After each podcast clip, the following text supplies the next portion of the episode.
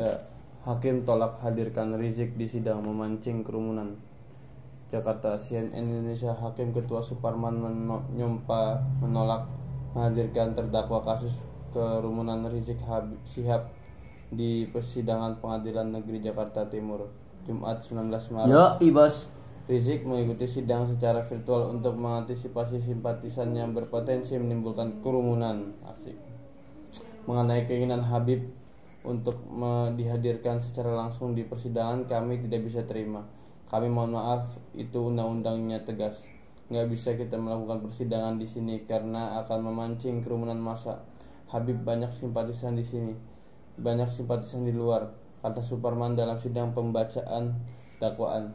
Suparman mengatakan potensi kerumunan kerumunan yang sangat besar memungkinkan terjadi bila Rizik dihadirkan secara langsung ke pengadilan.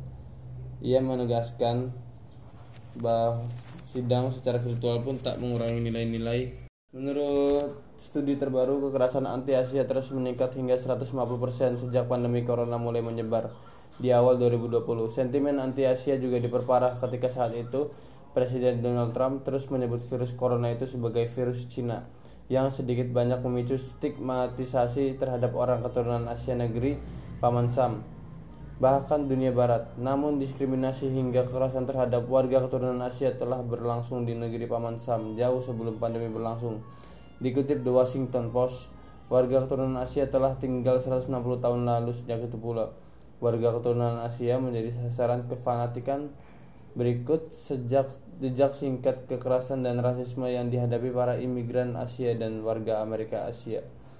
Masa Civil War, imigran keturunan Tiongkok mulai berdatangan dan menetapkan di diri di Amerika Serikat dalam jumlah signifikan sekitar 1850-an.